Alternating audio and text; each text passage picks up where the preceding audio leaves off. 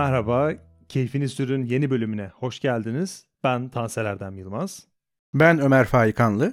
Ben Ant Mehmet Çetin. Bu podcast'te otomobil konuşuyoruz ama her bölümün başında otomobilden genelde bağımsız bir yerden sekerek giriyoruz. Bu bölümde de aslında sınırlı sayıda üretilen otomobiller üzerine genel bir çerçevemiz var. Fakat birkaç adım geriye gidince ucuz pahalı meselesinden biraz bahsetmek lazım. Yani sınırlı sayıda otomobillerin ekstrem seviyede pahalı olması insanları biraz bunu alanlar bu işten çok da anlamıyormuş gibi düşünmeye itiyor ve genel tartışmalar bunun üzerine gidiyor. Ama neyin ucuz neyin pahalı olduğunun kararı genelde irrasyonel. Yani son birkaç yılda bu podcast'i dinleyen ve Türkiye'de yaşayan, Türkiye'de yaşamasa bile Türkiye evrenine aşina insanların bildiği bir çıpa etkisi mevzusu var. Yani biz bu podcast'i 2019'da kaydediyor olsaydık temel kavramlar üzerinden konuşabilirdik. Ama şu an sürekli bir şeylerin fiyatının değiştiği ve bizim o fiyatın güncellenmiş durumuna çıpa attığımız ve onu normalleştirdiğimiz bir dönemdeyiz. O yüzden bazı şeylerin ucuz bazı şeylerin pahalı olması e, tartışmasının biraz dışında kalıyor. En basit örneği şu bunun. Mahallede kahvecinizde 20 lira içtiğiniz kahve.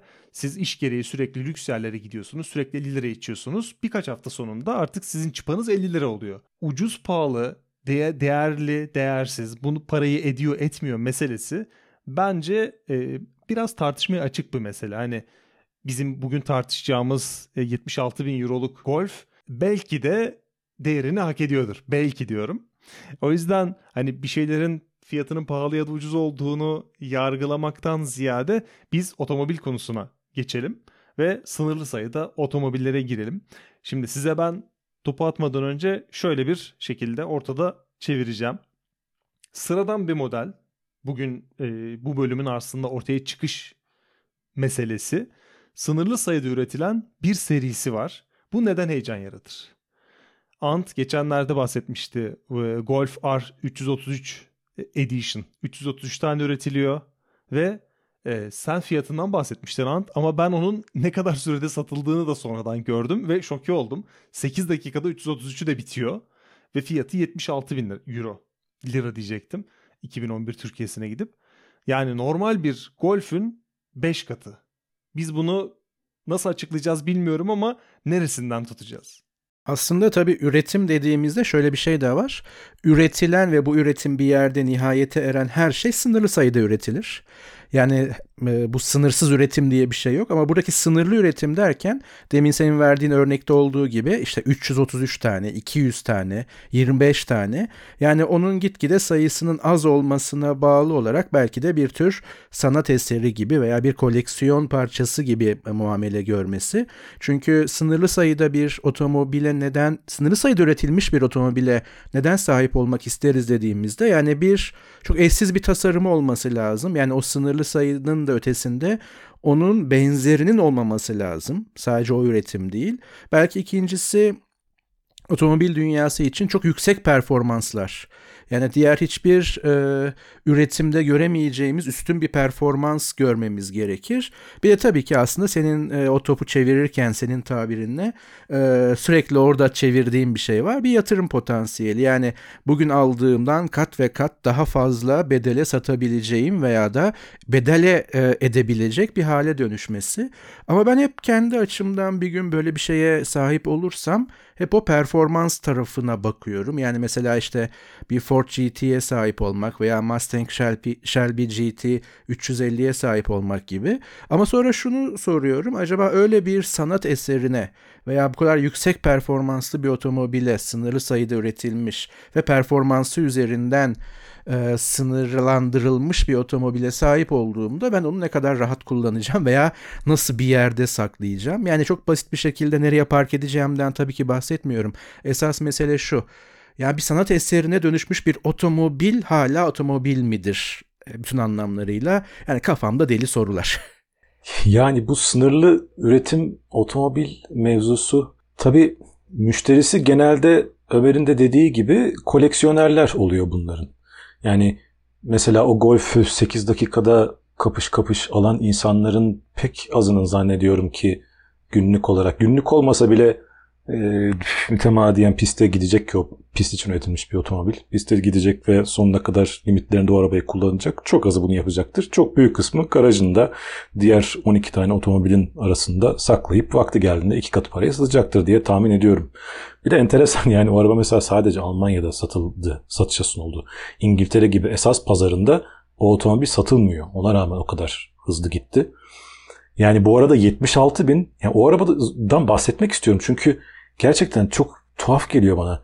Şimdi Golf R zaten iyi bir araba. Gayet iyi bir spor otomobil. Bir e, hatch. Biliyoruz bunu. 333. Fiyatı 76.410 pound. Bu yaklaşık 82 bin dolara tekabül ediyor.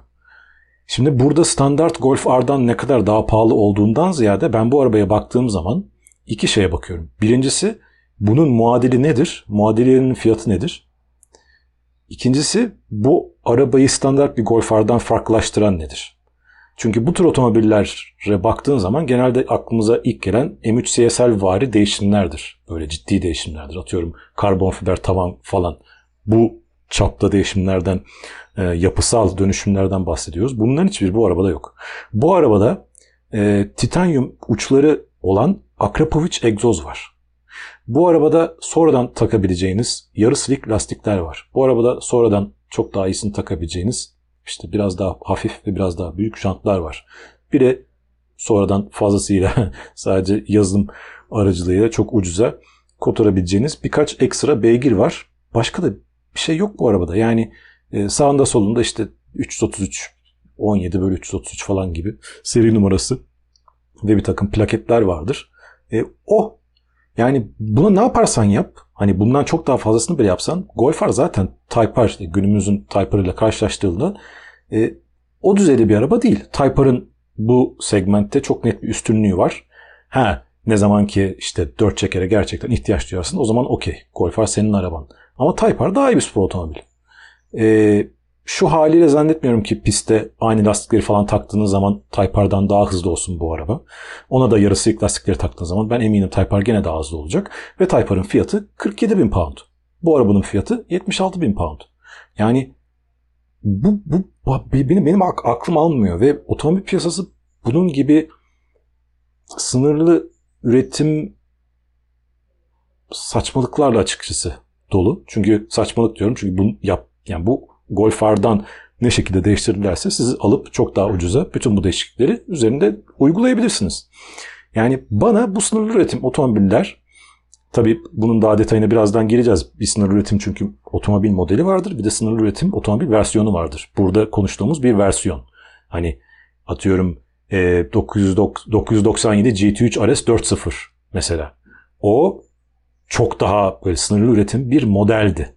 Bir versiyon değildi. Bu ama sınırlı üretim bir versiyon. Hani ufak tefek dönüşümler, sınırlı üretim, çok afaki, çok e, uçuk bir fiyat ve sonuçta üreticiler için kolay para kazanma imkanından öteye gitmiyor bence bu arabalar ve bir şekilde bunu kotarıyorlar her seferinde. Yani üretici işte 50 bin poundluk arabaya, 50 bin euroluk arabaya 5 bin euroluk değişiklik uyguluyor. Ama 15 bin, 20 bin dolar fiyatını arttırıyor ve para kazanıyor. Bu kadar basit aslında onlar için. Ya bu sonradan takılabilir dediğin şeyler benim çok ilgimi çekti. Yani sonradan takılabilir her şey aslında sonradan araçtan çıktığında fark edilmeyecek şeyler. Bahsettiğin işte silik lastikler ya da jantlar, işte ufak tefek bir beygir güncellemesi. Hani bunlar kalıcılığı da olmayan hani 30 yıl boyunca bu arabayı sen muhafaza ettiğinde ya bak 30 yıl önce bu yapılmış ve yaşıyor diyebileceğin çok az şey olması aslında biraz ilginç. Ben burada spekülatif olarak şöyle yaklaştım bunu gördüğüm zaman.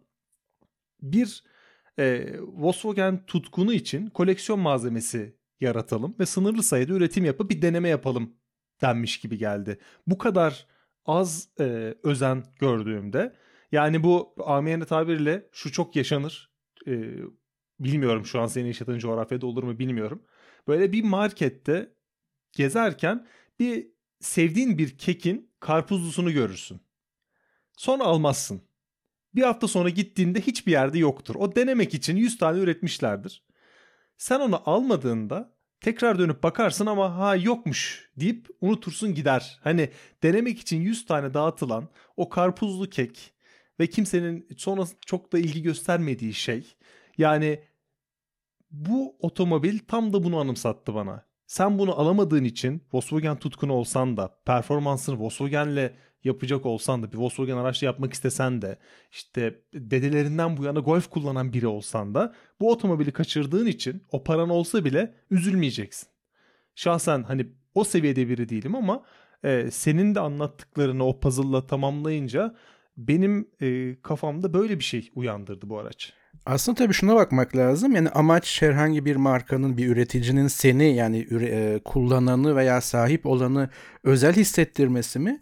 Yoksa aslında andığın dediği gibi bir pazarlama hilesi mi? Yani hile derken hani gayrimeşru bir şey değil elbette ama andığın yani ayrımı çok iyi. Yani bir versiyon mu bir model mi? Şimdi versiyonlarda dışarıdan bakınca tek fark yani o plaketse sağına soluna serpiştirilmiş veya da e, standart bir versiyona sonradan eklenebilecek yani o sınırlı sayıdaya sahip olmadan standart bir versiyona ekleyerek modifiye ederek ona benzetebileceğiniz bir şeyse bu versiyon e, Buna ne kadar özel hissedebilir? Yani bir koleksiyoner, çok özel bir koleksiyoner değilseniz. Yani işte en klasik şeyde para koleksiyonu veya pul koleksiyonu yapıyorsunuzdur. Sizin koleksiyonunuzda bir şey eksiktir. O belki çok çok değerli değildir ama sizin koleksiyonunuzun bir parçası olacaktır. O zaman tamam o zaten sizle ilgili bir şey. Ama standart versiyondan bir iki plaketle farklılaşmış ve sadece 300 küsür tane üretildiği için çok kıymetli görünen veya kıymete kavuşan bir otomobil bence artık o noktadan sonra bir otomobil değil tamamen bir meta yani otomobil zevkine veya otomobile sahip olma zevkine hitap etmek yerine e, tamamen e, sınırlı sayıda yarın öbür gün çok daha pahalı hale gelebilecek bir yatırım veya bir meta gibi görünüyor bana. Ama Andın dediği gibi modeller bambaşka. Yani özel üretim bir modele, sınırlı sayıda üretilmiş bir modele sahip olmak o ayrı bir keyif ve zevk tabii ki. Ama sanırım burada bizim derdimiz versiyonlarla. İkinizin de söylediği bu e, ben golf tutkunuyum ve bütün golfün özel versiyonları zaten hali hazırda garajımda duruyor. Dolayısıyla bunu da mutlaka almalıyım. Kesinlikle anlıyorum. Kullansa da kullanmasa da önemli değil. Çünkü bu Golf GTR ve Golf R'ların e, nereden baksanız en azından 10 senede bir işte bir 20. yıl versiyonu vardır, bir 30. yıl özel versiyonu vardır. Sürekli özel versiyonları bunların var. E, ve siz hobi olarak bunları topluyorsanız e, bunu da alacaksınız tabii ki sıraya gireceksinizdir ama dediğim gibi yani bunlar bu otomobili alan insanların kaçta kaçı bu profile giriyor emin değilim. Bu Golf R'dan sonra şöyle bir geriye dönüp baktım hani bunu iyi yapan gerçekten bu sınır üretim otomobillerin iyi örneklerini ve kötü örneklerini ve bir de soru işareti örneklerini şöyle bir gözden geçirmek istedim.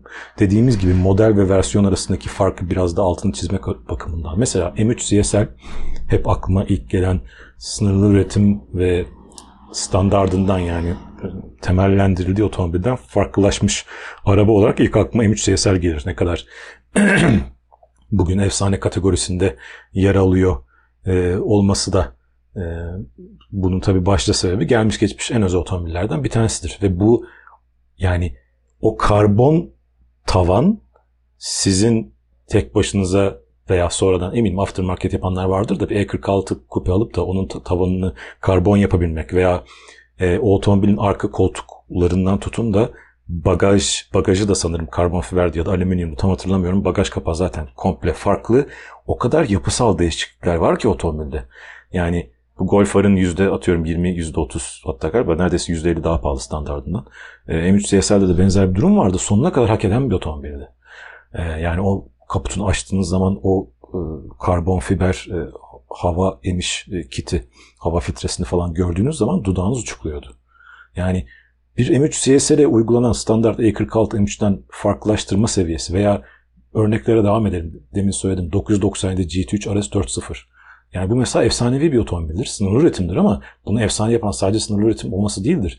997'de GT3'ler 3.6 litre ya da 3.8 litreydi tam hatırlamıyorum. Bu arabada 4 litre 4 litrelik bir Metzger motor var. Metzger motoru da Porsche'nin yarış otomobillerinde kullandığı e, biraz daha eski nesil ama çok daha katıksız, çok daha mekanik bir motor tipidir. 991'den sonra artık onu bıraktılar. Hidrolik direksiyonundan tutun da bu Metzger motora kadar e, pek çok böyle analog spor otomobilin nirvanası olarak kabul edilebilecek bir araba GT3 RS 4.0. Sınır üretim olmasını bırakın. Yani ondan 20 bin 30 bin tane üretselerdi bile bu otomobil inanılmaz özel olacaktı. Impreza STI 22B diye de işte 2000'lerin öncesi 1998 civarında üretilen gene Impreza'nın yalnızca 400 tane ürettikleri bir, bir modeli vardı. Standart STI zaten WRX'ten çok daha farklıdır. Bu 22B çok bambaşka bir arabaydı.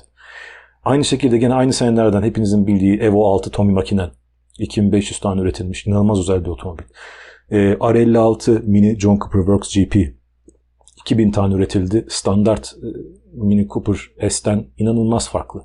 Yani böyle yaptıkları zaman ve sizin gerçekten kolay kolay e, sonradan bu arabaları aldıktan sonra dönüştüremeyeceğiniz değişikliklerle fabrikadan bu arabalar çıktığı zaman sonuna kadar diyorsunuz ki hani bu parayı hak ediyor.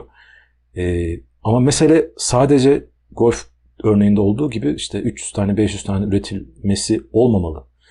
Kötü ve tuhaf örnekleri de var. Ona şimdilik ara verelim. Birazdan onlardan bahsedeceğim. Ya senin verdiğin bu üç örnekte de ben sadece ikisine e, ve birine aslında daha doğrusu e, tam olarak aşinayım. Gözüme çarpan şey genelde şu oluyor. Genel olarak aslında bu sınırlı sayıda üretilmiş ve performans odaklı üretilen otomobillerde bunların e, testlerini vesaire izlediğimde de kendim görüp deneyimlediğimde de kullanmadan da bunu üreten mühendis o modifikasyonu yaptığında atıyorum işte e, BMW'nin mühendisi o 110 kiloluk e, ağırlığı azalttığında ve o araca işte karbon fiber detaylar eklediğinde o aracın sonrasında yolda nasıl gittiğini, sonrasında nasıl durduğunu, sonrasında performansının nasıl etkilendiğini vesaire vesaire hepsini test ediyor. Aslında e, bana özel gelen şey de bu biraz. Bu performans araçlarının özelleştirilmesinde hani sonradan belki yapabilirsin, karbon kaput yaparsın. Örneğin işte belli yerleri değiştirirsin edersin ama e, senin bu dediğin e, araçlar özelinde sonradan yapsan bile orijinalliğini bozmuş olduğun bir e, araca dönüşecek. Sırf o açıdan bile çok kıymetli geliyor. Hani hiçbirini kullanma fırsatım olmadı ama Golf R 333'ten daha sınırlı sayıda hissettirdiklerine eminim. Benim hiç kullanma fırsatım olmayacağından neredeyse emin olduğum, eğer bir gün kullanırsam e, böyle hani büyük ikramiye birkaç kez bir kere falan da değil e, çarpmış gibi yani bana kazanmışım gibi hissettirecek olan şey işte biraz önce örneklediğim Ford GT. Çünkü GT40'ın o efsane Le Mans yarışını kazanan onun yani uyarlanmış hali ve 4038 tane üretmiş Ford. Yani e, Focus'a çok odaklanmışken işte onun sınırlı sayıda üretim versiyonlarına işte esas Ford'un Ford olduğu yer işte o GT versiyonu ve yani 4038 tane var ve bir klasiğin yorumlanmış haline gerçekten yorumlanmış haline biniyorsunuz. Yani en azından okuduğum kadarıyla ve bir iki e, podcast'ten veya YouTube kanalından yabancı takip ettiğim kadarıyla çok da rahat bir otomobil zaten değil. Öyle bir şey beklemiyoruz da. Ama mesela öyle bir şeye sahip olmak ve istiyorsa yılda bir kere kullanayım o arabayı. İşte o kadar kıyabilirim muhtemelen Türkiye şartlarında. Ama mesela o gerçekten bir şeye sahip olmak anlamına gelir. Ya da benim yine biraz daha e, ilgi alanıma giren bu Japon otomobillerinde Honda NSX Type R yani bu, bu, bu ikisinin yayına gelmesi zaten müthiş bir şey. Hani NSX ve Type R kelimelerinin yayına gelmesi. Mesela işte Honda Hondalığını orada konuşturuyor. Yoksa e, Civic Type R'ın birkaç versiyonu var. Tabii ki onlar da hani önemli şeyler. Ama hani Type R'ın üzerine bir şeyler daha koymak gibi ama NSX'te bambaşka bir şey veya yine bir Avrupa'ya gidersek mesela Mercedes AMG C63 Black Series evet yani C60'ın üzerine bir versiyon gibi görünüyor. Ama yine de işte bir şeye sahip olmaksa biraz bunlardan konuşmak lazım ama işte dediğim gibi büyük ikramiyeyi birkaç kez vurması gibi bir şey. Maddiyat kısmından bahsetmiyorum, şanstan bahsediyorum. Evet yani Black Series artık modern Mercedes'lerde Black Series üretmiyorlar. En son SL65 Black Series vardı galiba. Sonra AMG GT'nin Black Series'ini ürettiler. Uzun zamandır Black Series üretmiyorlar ama hani BMW'de CSL ne kadar özel bir e, takıysa Mercedes'te de Black Series o kadar özel. Bunlar gerçekten hani e, çok kalıtsal değişikliklerle son derece aşırı derecede özel otomobiller e, yaratılmış yaratılan durumlar. Ford GT Aynı şekilde e, özel bir model, sınırlı üretim bir model artık onun versiyonluğu yok. Sıfırdan üretilen bir otomobil. E, benim burada notlarım arasında mesela Aston Martin 177, 177 vardır. E, Aston Martin gibi maddi zorluklarla ilelebet boğuşan bir marka nasıl olup da böyle 77 tane sıfırdan neredeyse diğer Aston Martin modelleriyle hiç ortak parçası olmayan bir araba üretti. Aklım almıyor. Şu anda zaten servet değerinde. Süspansiyonlarından tutun da içerideki iç mekandaki e, bütün kumandalarına kadar sıfırdan üretilmiş bir arabadır o. İnanılmaz yani. Fütüristik. Fütüristik demeyeyim de fa- fantastik bir otomobildir o. Ve dediğim gibi aklım almıyor. Yani e, diyorum ya bu arabalar la aslında biz Golf R'dan Golf R 333'ten konuyu açtık. Hiç aynı cümlede bile geçmemesi gereken otomobiller. E, mesela daha da skalayı iyice e, altına aşağılara inecek olursak herhalde en klasik nasıl yapılmaması gereken örnek olarak en azından bizim için, bizim otomobil tutkunları için Range Rover Evoque Victoria Beckham Edition. Special Edition diye bir şey yaptılar. Victoria Beckham'la zaten Range Rover'ın ne kadar bu modayla iç içe geçen ve işte modayı yakından takip eden otomobillerle ama hiçbir alakası olmayan insanların ne kadar Range Rover'dan özellikle yurt dışında e, haz ettiğini biliyoruz. Victoria Beckham'la e, böyle bir ortaklık yapıp ne kadar daha pahalıya satıyorlardı bilmiyorum ama hani böyle içindeki halılarına kadar e, özel bir işte desenler, özel malzemelerle falan kapladıkları e, komik bir araba. Eminim yani bunun da alıcısı vardır. Sonuçta Range Rover Evoque'u otomobil tutkunları almıyor. Yani onu da muhtemelen e, modayı yakından takip eden hanımlar alıyor. E, dolayısıyla onların hoşuna gidecektir ama yani diyorum ya bizim bakış açımız için korkunç bir senaryo. Aynı şekilde Hyundai Tucson Walking Dead Zombie Edition mı Survival Edition mı ne öyle bir şey. Biliyorsunuz Walking Dead'i izleyenler bilir. E, Hyundai sponsordur ve pek çok Tucson, Hyundai Tucson görürsünüz bölümlerde. Oradan yola çıkarak e, böyle sağında solunda e, işte zombilerin parmak izlerinin, ellerinin falan desenleri olan ve arabanın size gelirken e, hayatta kalma kitiyle beraber satılan bir versiyonu Tucson'un. Hayatta kalma kitin içinde ne var diye soracak olursanız e, peçete, su e, ve ışık fişekleri bunlarla böyle bunların olduğu bir paket geliyor. Bu da hayatta kalma kiti. E, bu da başka bir özel üretim versiyon örneği olarak komik tabii yani ama e, onların da eminim alıcısı e, vardır. Size topu atmadan iki tane tuhaf örnek saymak istiyorum. Bunlar çok ilgimi çekmiştir benim. Şu şöyle söyleyeyim. Şu anki MX-5'in 30. yıl versiyonu var. 30. yıl edition. Miata. Turuncu bir araba. Zaten Türkiye'de birkaç 3 tane 4 tane falan var galiba. Görmüşsünüzdür. 3000 tane üretilmiş bir araba. Şimdi bu araba evet çok özel. Turuncu, çok şeker bir turuncu. Okey güzel. Bu arabanın motoru standart 2 litre makyajlı hali işte 180 küsur beygirlik bir motora sahip. Arkada kilitli diferansiyele sahip. İşte Bilstein süspansiyonlara, kilitli diferansiyeli vesaireye sahip. Rengi hariç bütün bunları siz zaten yurt dışı için konuşuyorum. Türkiye'de o, o, o spesifikasyonda bulamıyorsunuz da yurt dışında 2 litre MX-5'leri zaten bu haliyle çok rahat bulabiliyorsunuz. Ve bu araba 30. yıl versiyonu olduğu için ve sadece 3000 tane üretildiği için böyle yurt dışından bile çok ciddi eks paralara satılıyor. Çok özel bir araba çünkü. Niye? 3000 tane üretildi çünkü. Ama aslında bence özel bir araba değil. çünkü e, standart bir çok daha ucuza MX-5 alıp onu turuncuya kapatabilirsiniz. Yani ekstra sağındaki solundaki plakalar haricinde e, nesnel olarak size sunduğu bir şey yok o arabanın. Bir de hani Miata gidip de böyle alıp ha 30. yılını aldım tamam garajda saklayayım 5 yıl sonra 10 yıl sonra iki katına satayım diyeceğiniz bir araba da değil ki. Yani Miata alıyorsanız MX-5 alıyorsanız kullanırsınız o arabayı. Kullanmak istersiniz en azından. Yani benim için gece uyuyamam yani yatağa giremem o araba garajında dursa ve hiç kullanmayacak olsam. İkinci bir örnek Gallardo LP552 Valentino Balboni diye bir araba ürettiler. Bundan 15 sene önce. Arka itişliydi bu araba.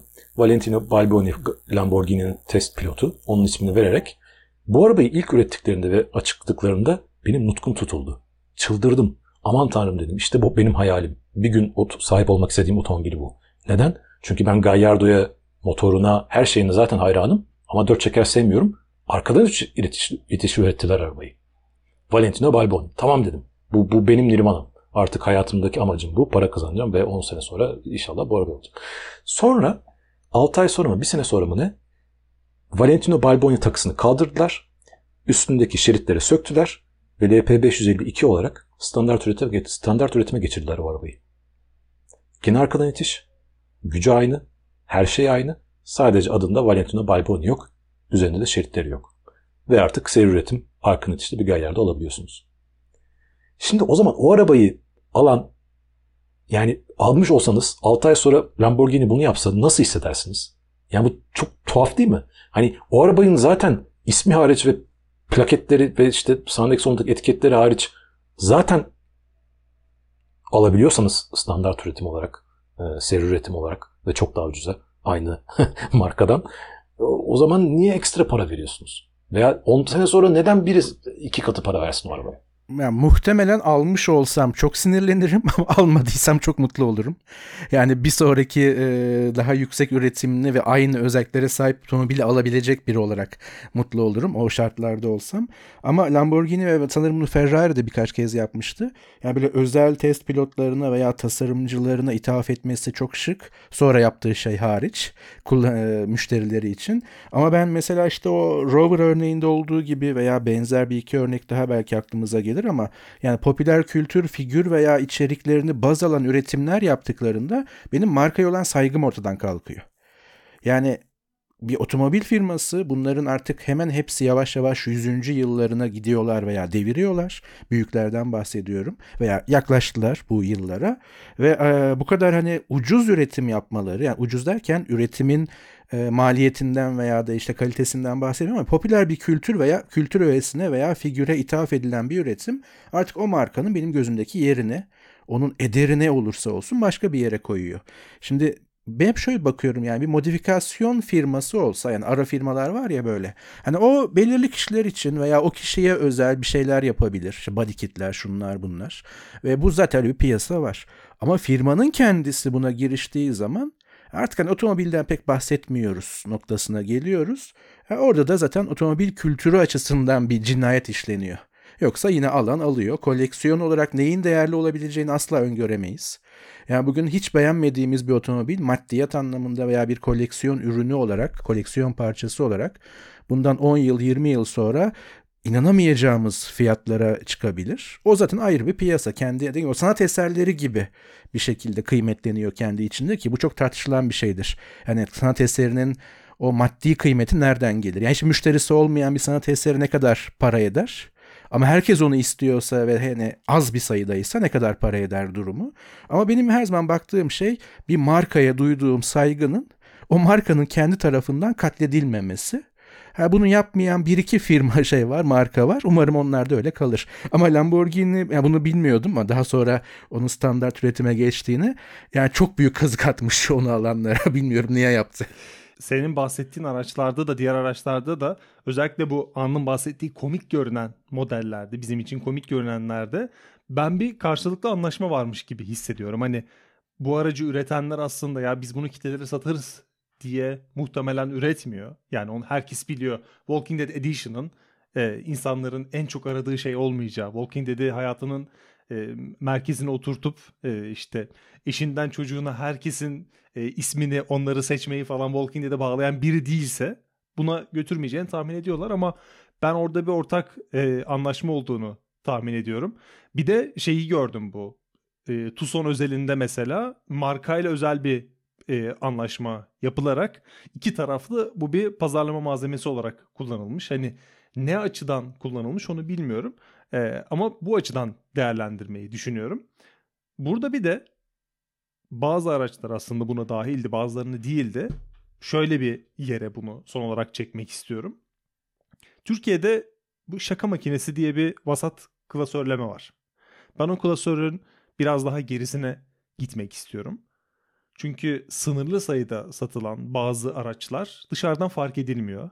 Ama bilen tarafından çok ilgi çekiyor. Mesela M3 CSR az önce bahsettiğimiz M5 belki Civic Type R çok sayılmaz ama hani e, dışında hani modifiyeli bir Civic'miş deniyor.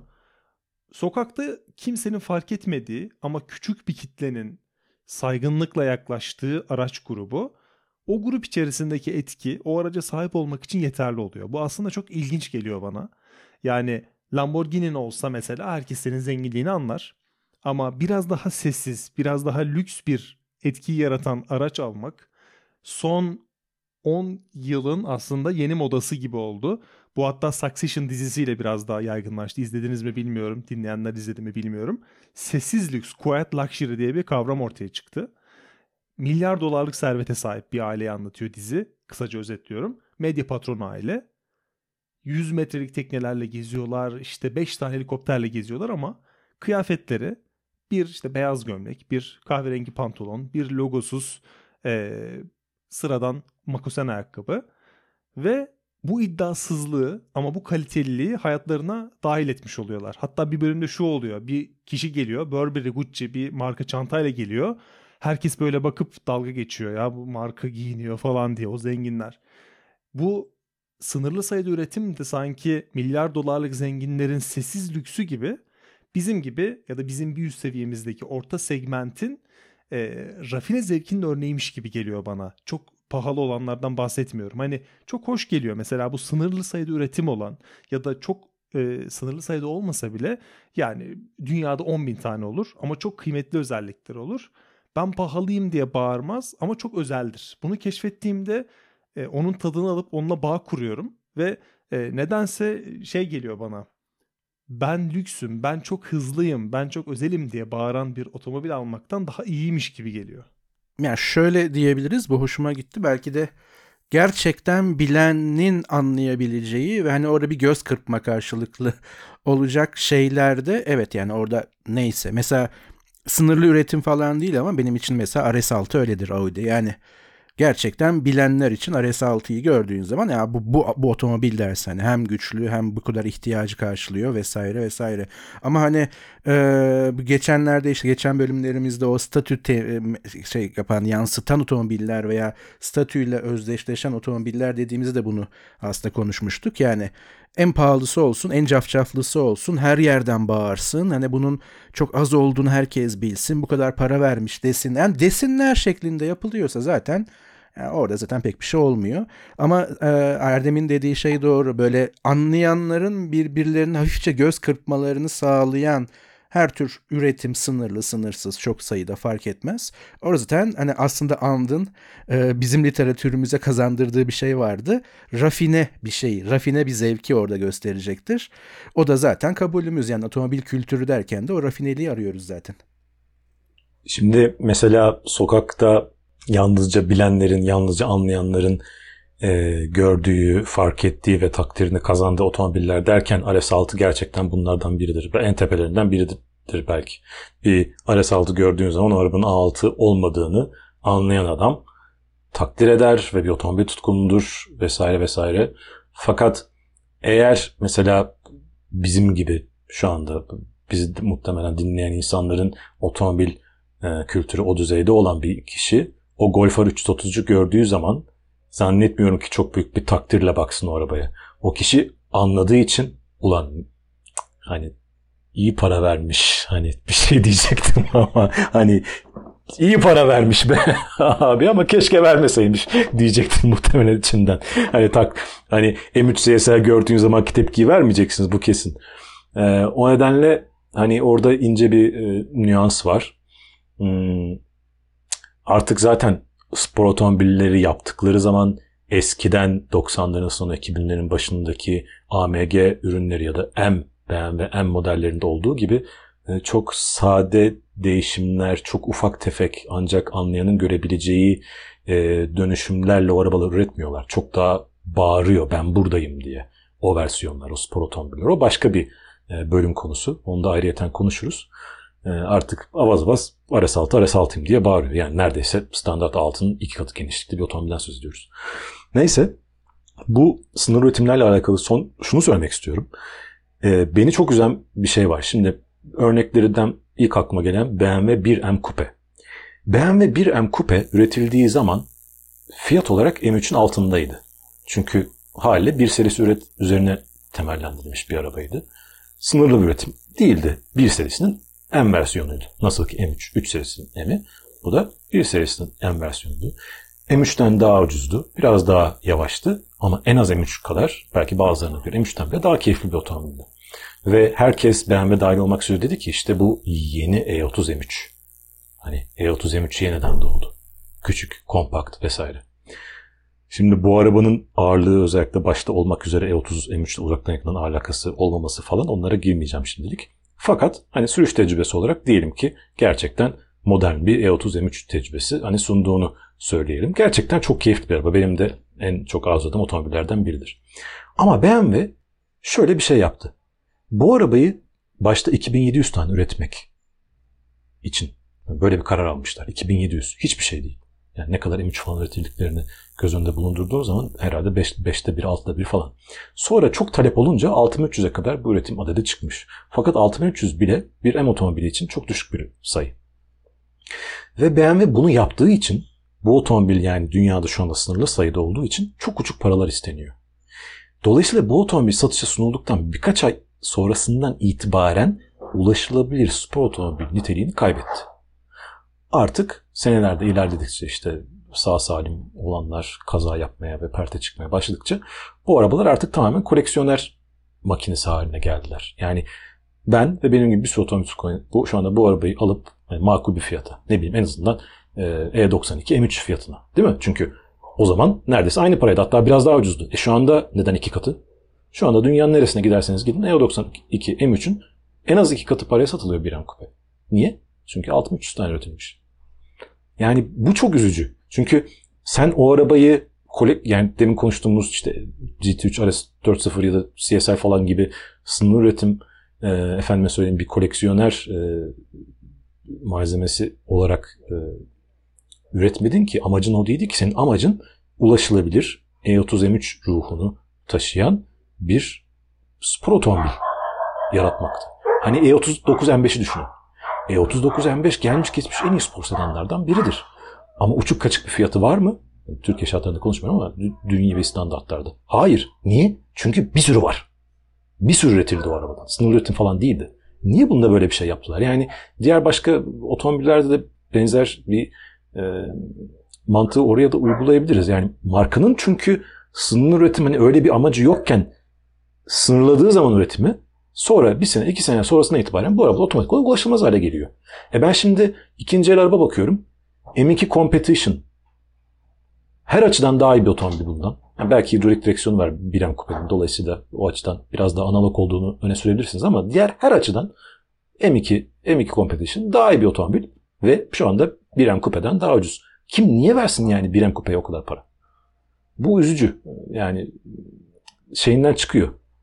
Amacından çıkıyor bu sınır üretim mevzusu bazen.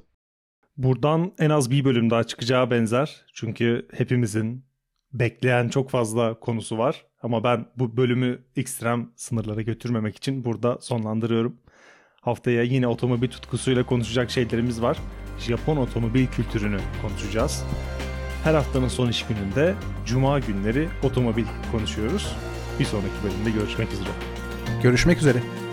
Görüşmek üzere.